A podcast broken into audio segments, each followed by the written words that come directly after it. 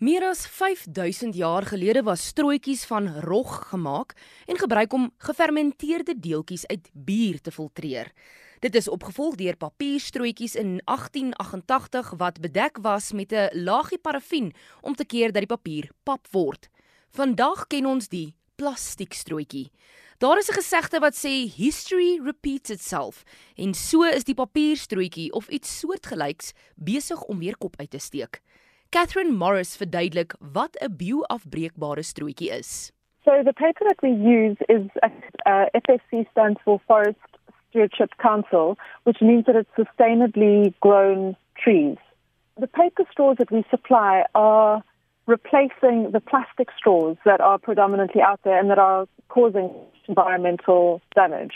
The paper used is very tightly bound and there's also a compostable resin on the inside, which ensures that it's, it doesn't get soggy. They're firm and sturdy. Actually, like one of the, we've tested quite a few paper straws, and the ones that we've chosen are particularly sturdy, so they don't get soggy. Die strooitjies is van papier gemaak, maar hoe moet mens daarvan ontslaa raak?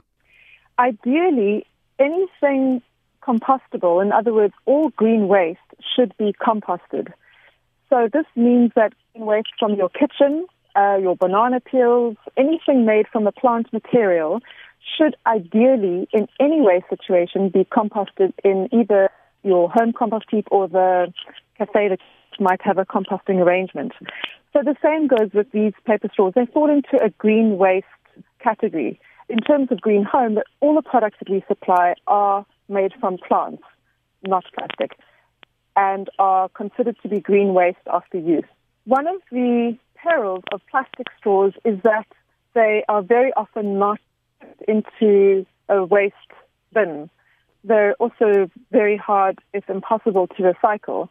So very often straws aren't put into the proper waste system and end up as litter.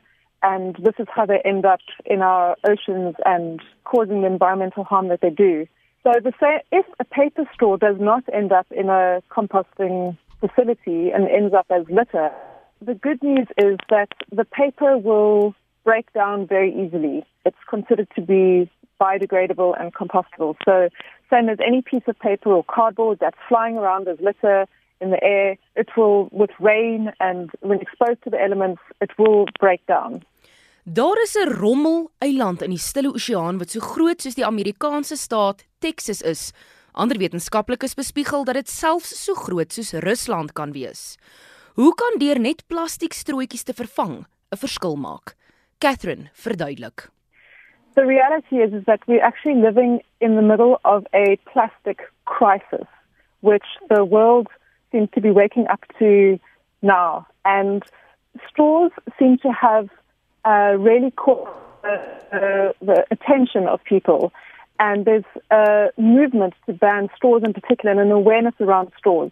There was a YouTube video of a turtle with a, a straw up its nose, and this really seemed to to awaken people to the perils of non-compostable plastic.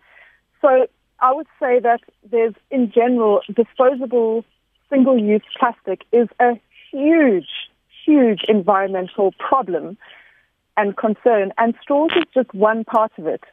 And the same with our, our company. Straws is, is one part of our range, which at the moment is getting a lot of awareness in the media. And there's a fantastic ban, particularly on straws, but it links to all other disposable single use plastic items, particularly in food packaging.